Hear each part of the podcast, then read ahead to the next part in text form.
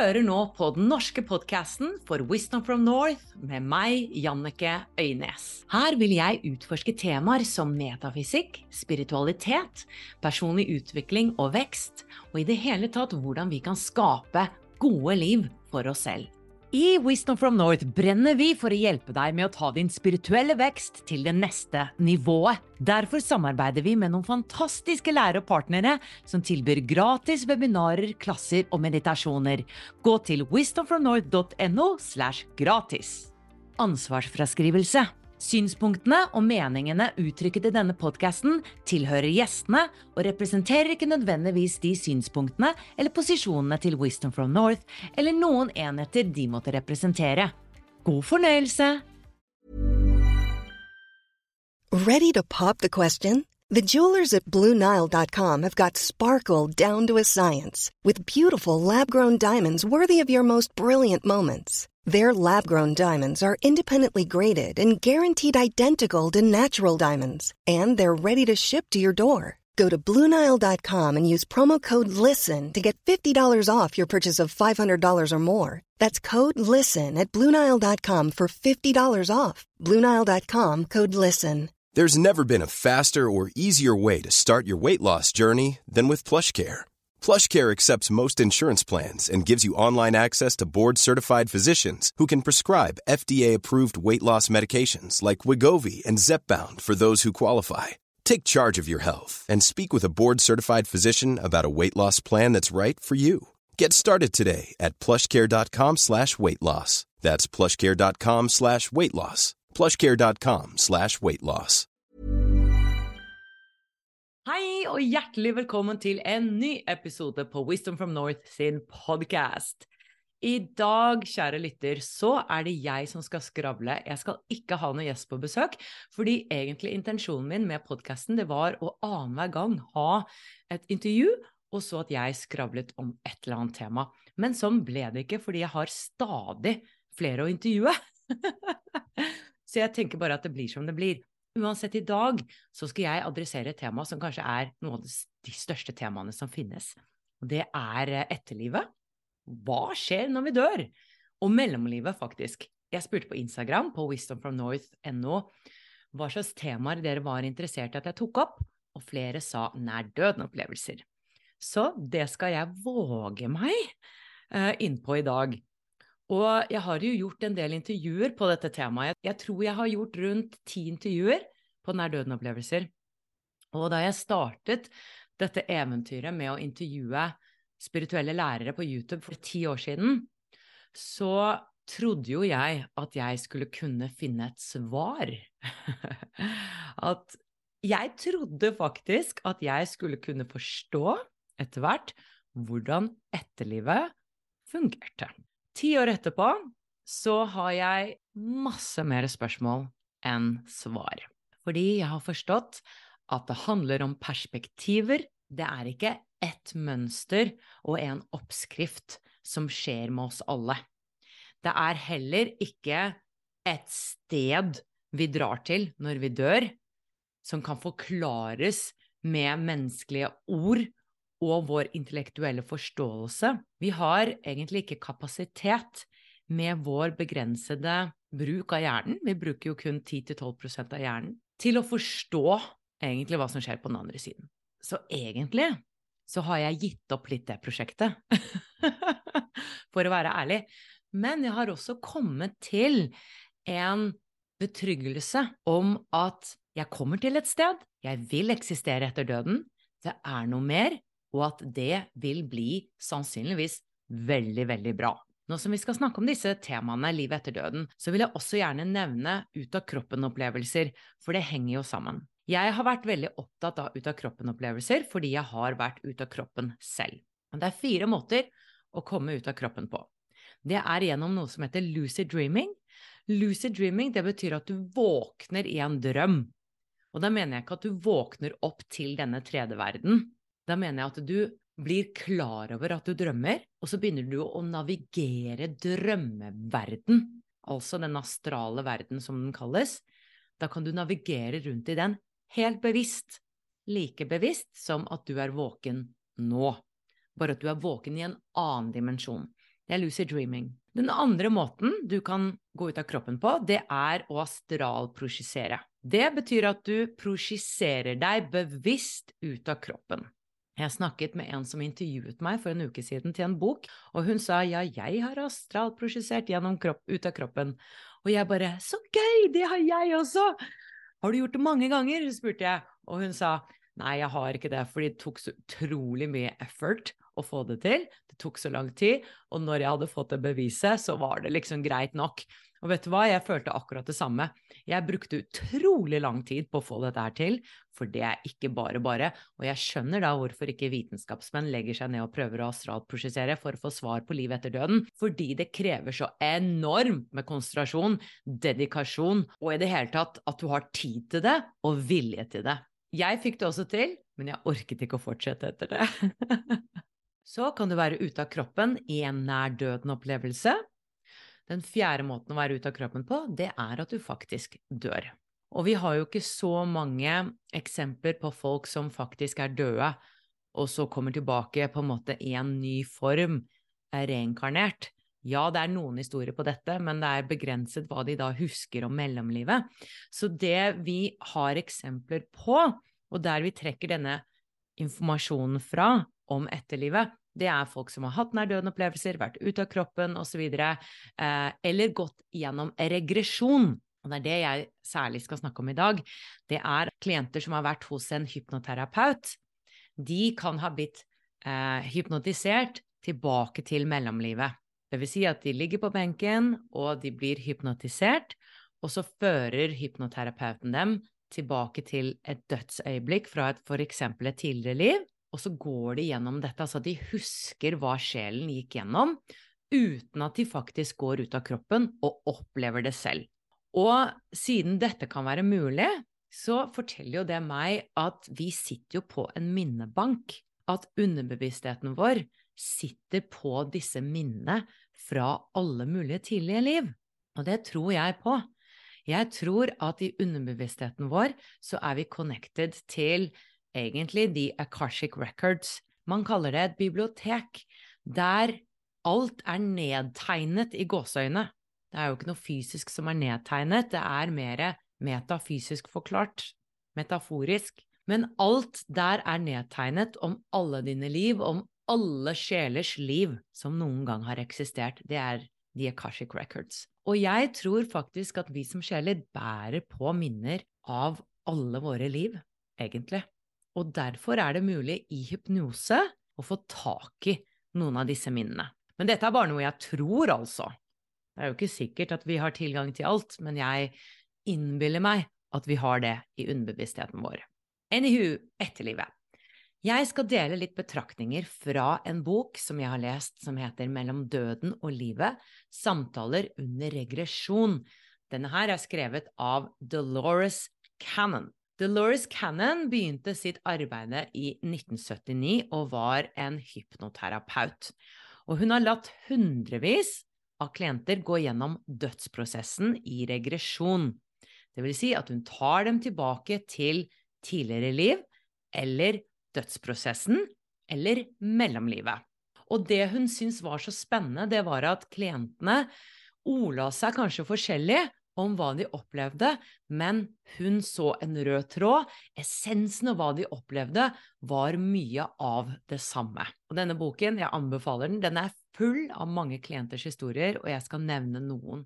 Så det klientene hennes fortalte når de var i hypnose, og det hun da oppsummerte med, var at den vanligste opplevelsen var at rett når døden inntreffer, så opplevde klientene en følelse av kulde og plutselig så sto de utenfor eller over eller svevde over kroppen sin, og de følte ikke frykt, men mer opprømthet. De aller fleste sier at det var ikke skummelt, det var ikke ubehagelig, det var ikke smertefullt, fordi det er kun kroppen som opplevde smerte, det er ikke ånden eller the spirit eller sjelen din som opplever smerte.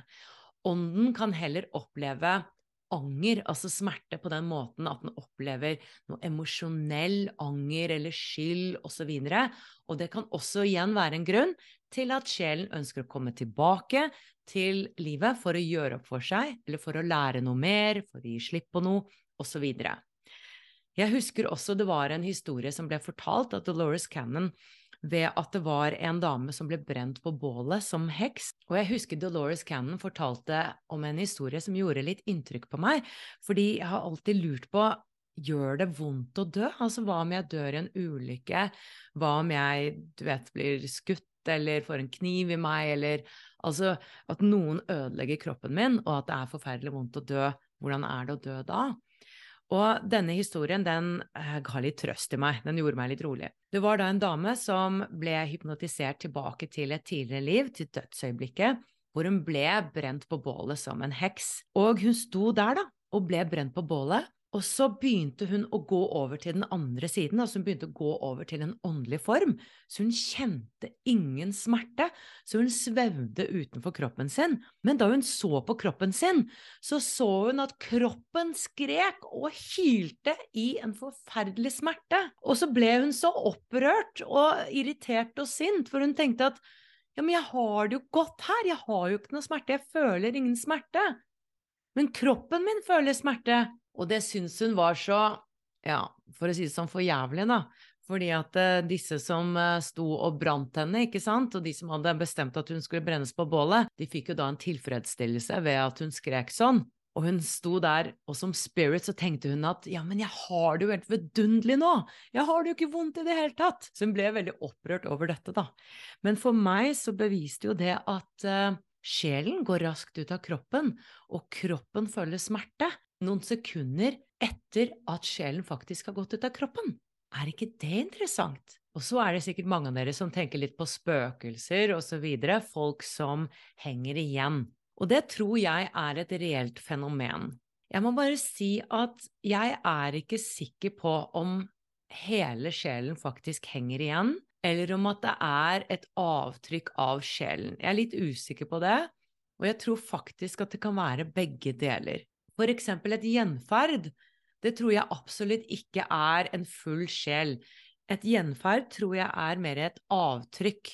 At eksempel noen synske kan oppleve at her har det skjedd noe forferdelig, på en slagmark eksempel, og at plutselig kan denne synske personen se eh, et blaff av kanskje ånder som står på slagmarken og, og, og kjemper og dreper hverandre mens egentlig det er mer gjenferd, altså et avtrykk av energien til de sjelene som var der, men det betyr ikke at de sjelene henger igjen.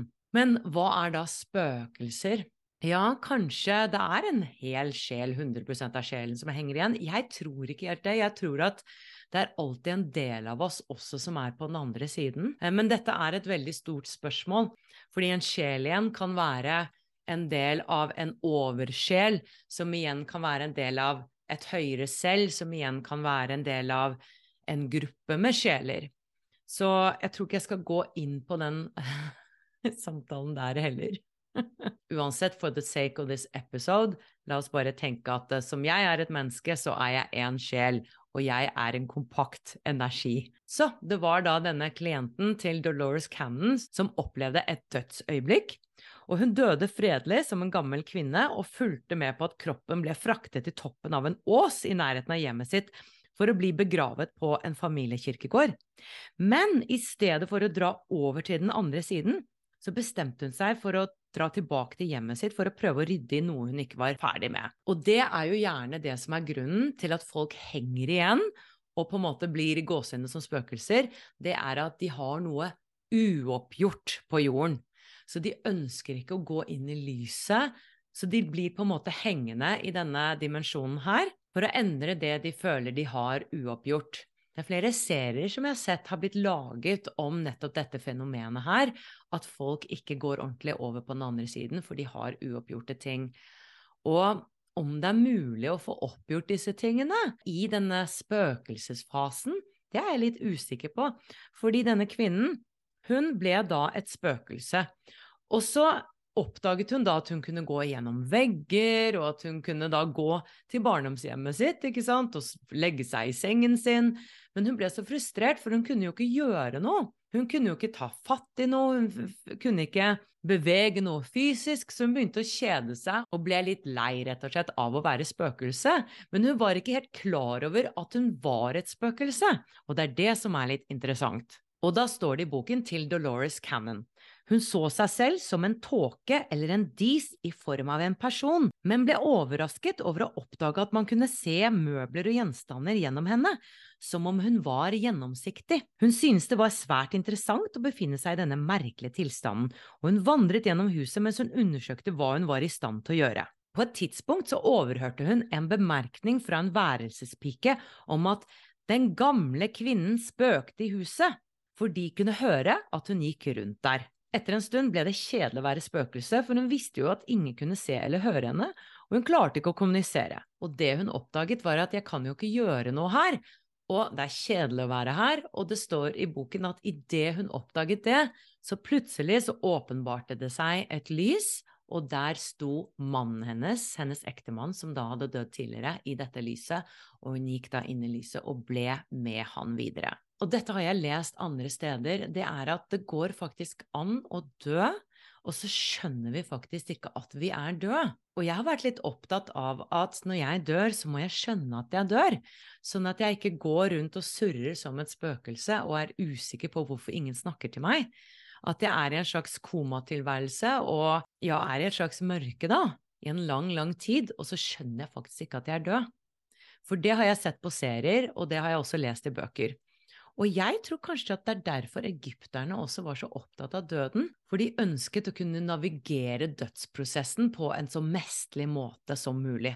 Det er min teori. Det står også i denne boken, og jeg leser flere steder i mange bøker, at du blir møtt med dine kjære. Det er gjerne dine kjære som du har nært, som har vært nær deg i dette livet, fordi det er dette livet du er nærmest.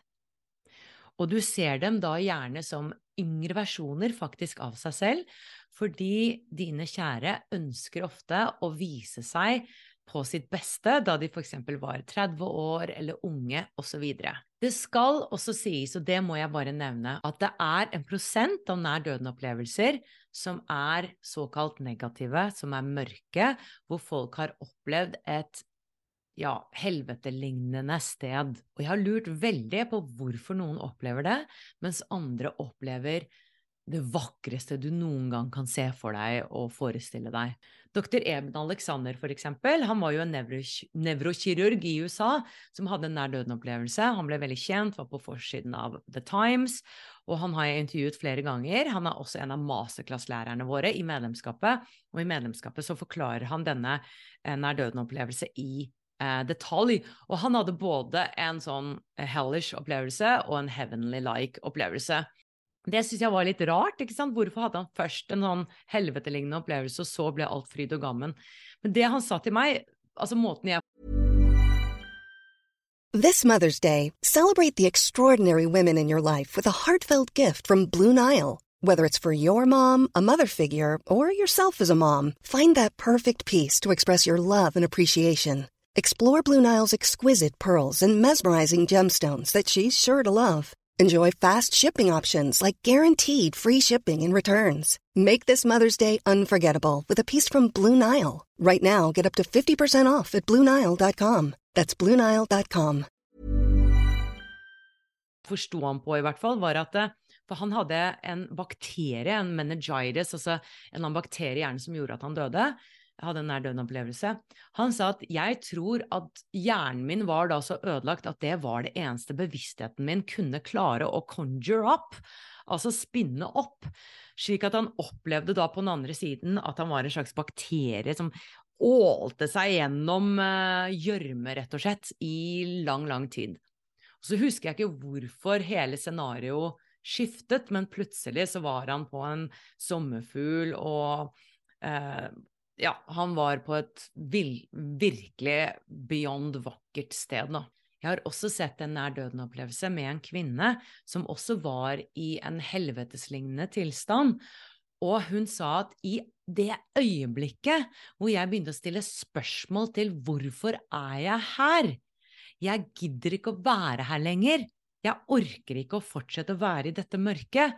Hvor er lyset? Altså Med en gang hun ble bevisst på hvorfor er jeg her, hva er det jeg gjør her, hva er det jeg skal lære av å være i dette helvetet her, det var da lyset begynte å komme.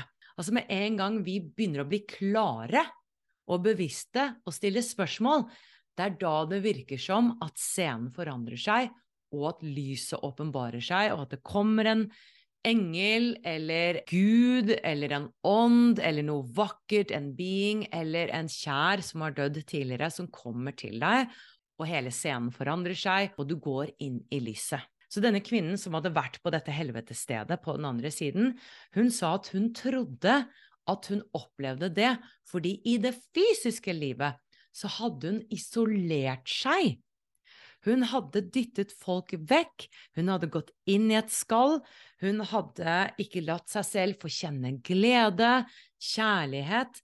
Hun hadde rett og slett gått inn i dette skallet og lukket for omverdenen. På samme måte, på den andre siden, så ble hun lukket for lyset. Og jeg forsøker jo å tolke disse nær døden-opplevelsene, for jeg tenker at aha, det betyr at det vi gjør i dette fysiske livet, det har påvirkning på den andre siden. Det har det. Før så trodde jeg sånn at alt blir tilgitt, og jeg tror det, men jeg trodde på en måte at med en gang jeg døde, så var det blanke ark med en gang. Men nå tror jeg ikke det lenger. Nå tror jeg at med en gang jeg dør, så vil min opplevelse på den andre siden være farget av det trossystemet jeg har hatt i dette livet her. Det vil si at hvis jeg hadde vært ateist, så tror jeg, når jeg hadde dødd, at det kunne vært ganske svart en lang tid. Hvis jeg virkelig tror på at det blir helt svart, og jeg tror på at ingenting kommer til å skje, eller jeg tror at jeg kommer til å bli straffet, da kan det godt være at jeg skaper det på den andre siden. Og jeg tror ikke at det er Gud eller noen ånder som gjør det mot meg, som straffer meg. Jeg tror det er jeg som skaper det selv, fordi vi er skapende vesener. Jeg tror vi er en del av Gud, at jeg er Gud, at du er Gud, at vi er skaperverket, at vi er all there is. The big creator. Og hvorfor skulle det ikke da være sånn at jeg også skaper, sånn som jeg skaper dette livet her, hva som skjer i livet mitt, at jeg også skaper på den andre siden? Det trodde også hun som jeg nettopp fortalte om. Hun trodde at det var hun selv som skapte dette mørket, før hun kom til erkjennelsen av at ja, men jeg vil jo ikke dette her. Jeg vil jo gå inn i lyset og kjærligheten og gleden. Og da er det det som åpenbarer seg for deg om vi skal tro at det er slik. Og så er det jo da mange som opplever å se livet sitt i revy. Det finnes jo ikke tid på den andre siden, så du opplever faktisk å se gjennom hele livet ditt på veldig, veldig kort tid. Hvert eneste øyeblikk. Og ikke bare at du opplever ditt eget liv fra ditt perspektiv, men at du opplever, eller kan oppleve, livet ditt fra de andre menneskene som har vært rundt deg sitt perspektiv. Så det vil si at eksempel din kjæreste eller din mor eller far eller de som har vært rundt deg, du kommer til å oppleve også deres perspektiv og, og opplevelse av deg. Wow! Og hvorfor har vi disse livene i revy? Jo, det er jo for å se hva var det vi lærte, hva var det vi kunne gjøre i gåseøynene bedre, dette er jo da for sjelens vekst, sies det. Og det som jeg også leser om og om igjen, det er at disse mesterne som da står sammen deg, eller, eller er sammen deg og ser gjennom livet ditt, de er ikke de som dømmer deg, det er oftest at du dømmer mest deg selv. Og det skal sies at det er mange som opplever å gå gjennom en tunnel, hvor de ser lyset i enden av denne tunnelen, så det er altså noen som opplever å se lyset med en gang. Det sies også at det er flere ånder som blir værende en bitte liten stund etter døden deres. Og det er rett og slett for å se om deres etterlevende har det bra. For eksempel så er det mange ånder som er interessert i begravelsen sin. Veldig opptatt av hvordan begravelsen ble. Men det sies at veldig mange drar til lyset rett etter det. Og det vil jeg si jeg anbefaler.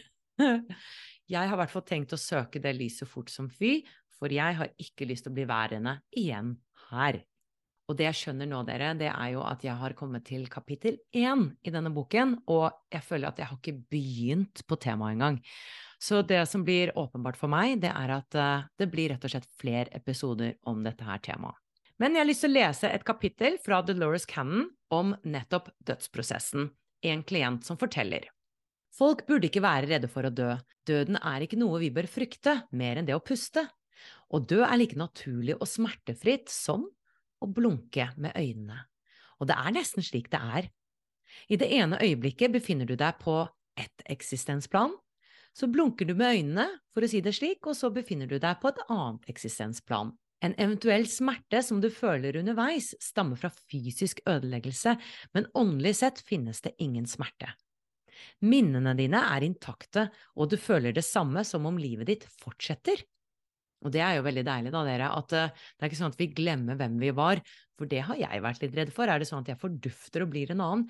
Nei, jeg husker min eksistens som Jannicke. Av og til bruker du litt tid på å legge merke til at du ikke lenger er knyttet til den fysiske kroppen, men vanligvis oppdager du det med en gang, for sansene dine er utvidet slik at du kan oppfatte det åndelige planet uten at sløret er i veien. Dette er det dunkle speilet som enkelte har sammenlignet det med. Det som skjer, er at det først inntreffer en fase der du orienterer deg. Du er fortsatt svært bevisst på det fysiske planet, men du utforsker og tar inn over deg hvordan det føles å være bevisst på det åndelige planet. Til slutt venner du deg til at du virkelig befinner deg på det åndelige planet, og det er greit for deg. Jeg har også lyst til å si to ord om himmelen og etterlivet, sånn som jeg ser det. Jeg har intervjuet en som heter Mathias de Stefano. Han snakker om de ni dimensjonene. Og slik jeg forstår det, så er fjerde eller femte dimensjon det er et av de åndelige planene. Der finnes det ikke noe tid. Altså alt eksisterer her og nå, så fortid, fremtid og nåtid eksisterer på samme tid. Det vil si at når vi da går over på den andre siden og kanskje blir gjenfødt, da, så betyr det egentlig at det skjer samtidig som du har dette livet nå. Fordi fra et høyere perspektiv så skjer alt nå. Altså fra et åndelig perspektiv, hvor det ikke finnes tid Det er vanskelig å se for seg, ikke sant? Så må jo disse livene foregå da samtidig. Vi kan jo tenke på det som en bok. Når du leser kapittel én, så eksisterer jo kapittel syv samtidig. Det er bare at du leser kapittel én nå, og du leser kun ett kapittel om gangen. Når du ser på en LP-plate, så ligger jo alle sangene der samtidig, men du hører kun på én sang om gangen. Dette kan være en metafor, da, for at alt eksisterer på samme tid. Det er derfor at det er nesten litt tullete å snakke om tidligere og fremtidig liv. Vi kan heller snakke om parallelle liv. Og tilbake til disse dimensjonene, da. Han snakker altså om ni dimensjoner, og jeg kan ikke så mye om disse dimensjonene, men jeg tror også på at det er ulike nivåer av de åndelige planene. Og avhengig av hvor utviklet du er som sjel, så er det det åndelige planet du vil gå til når du dør. Så om du er veldig lite utviklet som sjel, da, så kommer du gjerne til de lavere nivåene av astraldimensjonen eh, når du går over til den andre siden. For det er noe av sjelens reise, det er at vi avanserer gjennom de ulike nivåene. Og det sies at hvorfor vi ønsker å inkarnere som sjel på denne planeten, det er fordi veksten er så vanvittig stor. Det er fordi at veksten går så mye raskere på denne planeten, fordi det er så mye smerte her, det er så mye å lære her, det er tøft å være menneske, Derfor lærer vi så mye raskere, vi avanserer mye raskere på denne kloden enn vi kan gjøre i det åndelige planet. Det er grunnen til at så mange sjeler ønsker å inkarnere på jorden. Så tilbake til hvilke plan vi går til. Det jeg tror, da, er at du går til det planet der du er utviklingsmessig som sjel. Så for eksempel, la oss si Jesus, da. Han ville ikke gått til de lavere astralplanene, han ville gått ganske raskt opp til, eh, ja, jeg vet ikke, femte eller sjette eller hva enn dimensjon, da. En annen ting som jeg også har lært, det er at på den andre siden så opplever vi alt like sterkt. Altså sansene våre er like sterke. Det er ikke sånn at vi plutselig føler at vi svever gjennom alt, og alt er liksom litt sånn lite håndgripelig. Nei, ting er nesten enda mer virkelig enn de er her. Og det opplevde jeg da jeg var ute av kroppen, for jeg svevde inn i en annen dimensjon, til et annet landskap, og så kom jeg til et sånn vakkert landskap. Eh, hvor det var blomster som var like store som trær. Og så husker jeg at det luktet så ufattelig godt! Jeg har aldri luktet noe så godt før. Og jeg har aldri sett noe så vakkert før. Altså, dette er jo mye sterkere enn i den fysiske verden. Det husker jeg at jeg tenkte. Det vil jo si da, dere, at for eksempel sånne fysiske lyster som sex eller eh, drugs, ikke sant, og alkohol og røyk videre, ja, kanskje det også er mulig på den andre siden. For jeg leste et kapittel om nettopp dette, at de som er utrolig avhengig av dette, og bare ikke vil gi slipp på eh, fysiske lister, de kan fortsette med det, men da vil de gjerne bli veldig knyttet til det jordlige planet, og vil ikke da avansere før de er klar til å gi slipp på disse eh, lystene, da, disse fysiske lystene, og utvikle seg mer som sjel. Eh, ikke bare være nede i rotsjakra, da, for å si det sånn, men mer opp i hjertesjakra. Og jeg husker det var en scene hun Dolores eh, beskrev som jeg syntes var ganske sånn ubehagelig eh, å lese om, og det var at de menneskene som fortsatt var veldig mørke da, som mennesker, var også ganske mørke som sjeler. Og de hang veldig nært jordplanet, så hvis det var noe stygt og forferdelig som skjedde på jorden, så sto de gjerne rundt som ånder og heiet på dette her, sto og røykte og drakk og heiet på dette her. Så det forteller jo meg at vi har fri vilje. Altså om vi ønsker å fortsette et destruktivt liv, så kan vi faktisk fortsette med det på den andre siden. Men vi har også valget om å fortsette med noe helt annet. Det er der igjen dette her med at vi er skapende vesener, på dette planet og på den andre siden, kommer inn, tror jeg. Og jeg har jo vært litt sånn stressa selv om eh, ja, hva slags plan er det jeg kommer til, da?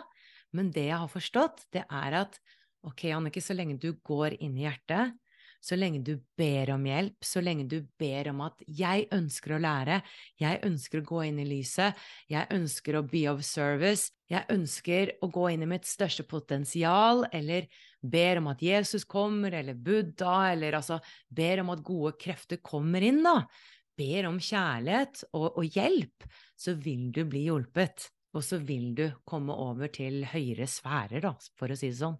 Men dere, det er veldig, veldig, veldig mye mer å si om dette. Dolores snakker om skoler på den andre siden, hun snakker om nivåer, hun snakker om hvilesteder, hun snakker om hva som skjedde med Hitler, hun snakker om altså, hva som skjer med de menneskene som har forvoldt så mange mennesker vondt, hva som skjer med dem på den andre siden. Hun snakker om forskjellige eksistensnivåer, såkalte negative liv, hvorfor vi opplever det, hvorfor noen har liv som er som en rosa ski, og andre har virkelig forferdelige liv. Hun snakker om spøkelser, poltergeister.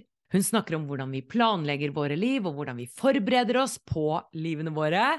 Hun snakker om avtrykk og walk-ins. Walk-ins! Det er det villeste konseptet jeg noen gang har hørt om. Det er, jeg skal bare nevne det kort, at la oss si jeg, Jannicke, min sjel er i denne kroppen nå, og så føler jeg at jeg har kommet langt nok, og så har jeg lyst til å gå over på den andre siden, jeg føler meg ferdig.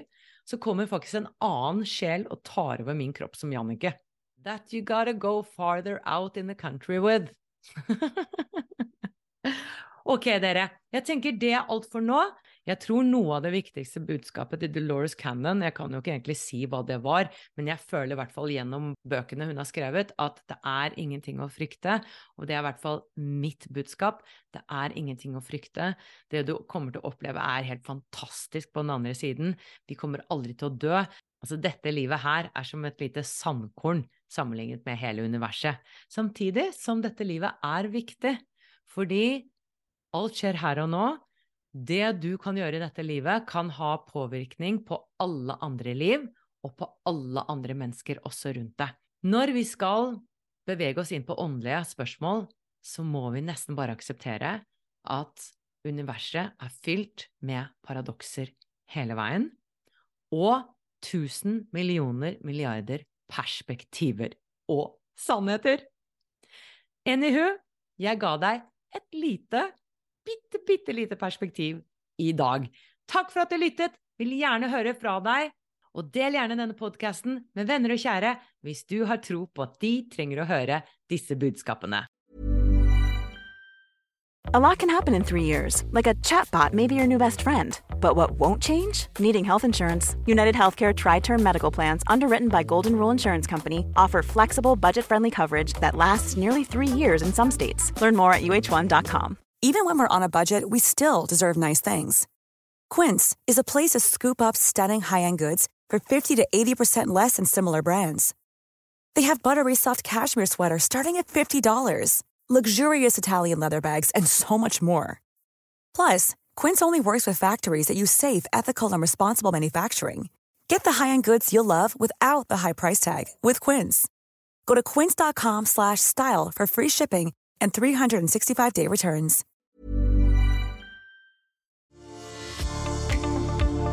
Ønsker du å utvikle deg som menneske, åpne opp mer for din livsoppgave og utforske en dypere mening med ditt liv? Så er du hjertelig velkommen inn i Wisdom from North medlemskap. Og det finner du på wisdomfromnorth.no slash medlemskap. Om du vil gå enda litt dypere, så finner du alle våre norske nettkurs på wisdomfromnorth.no og våre engelske nettkurs på wisdomfromnorth.com. Du finner oss også på Instagram, Facebook og YouTube ved bare å søke på Wisdom from North. Vi høres igjen!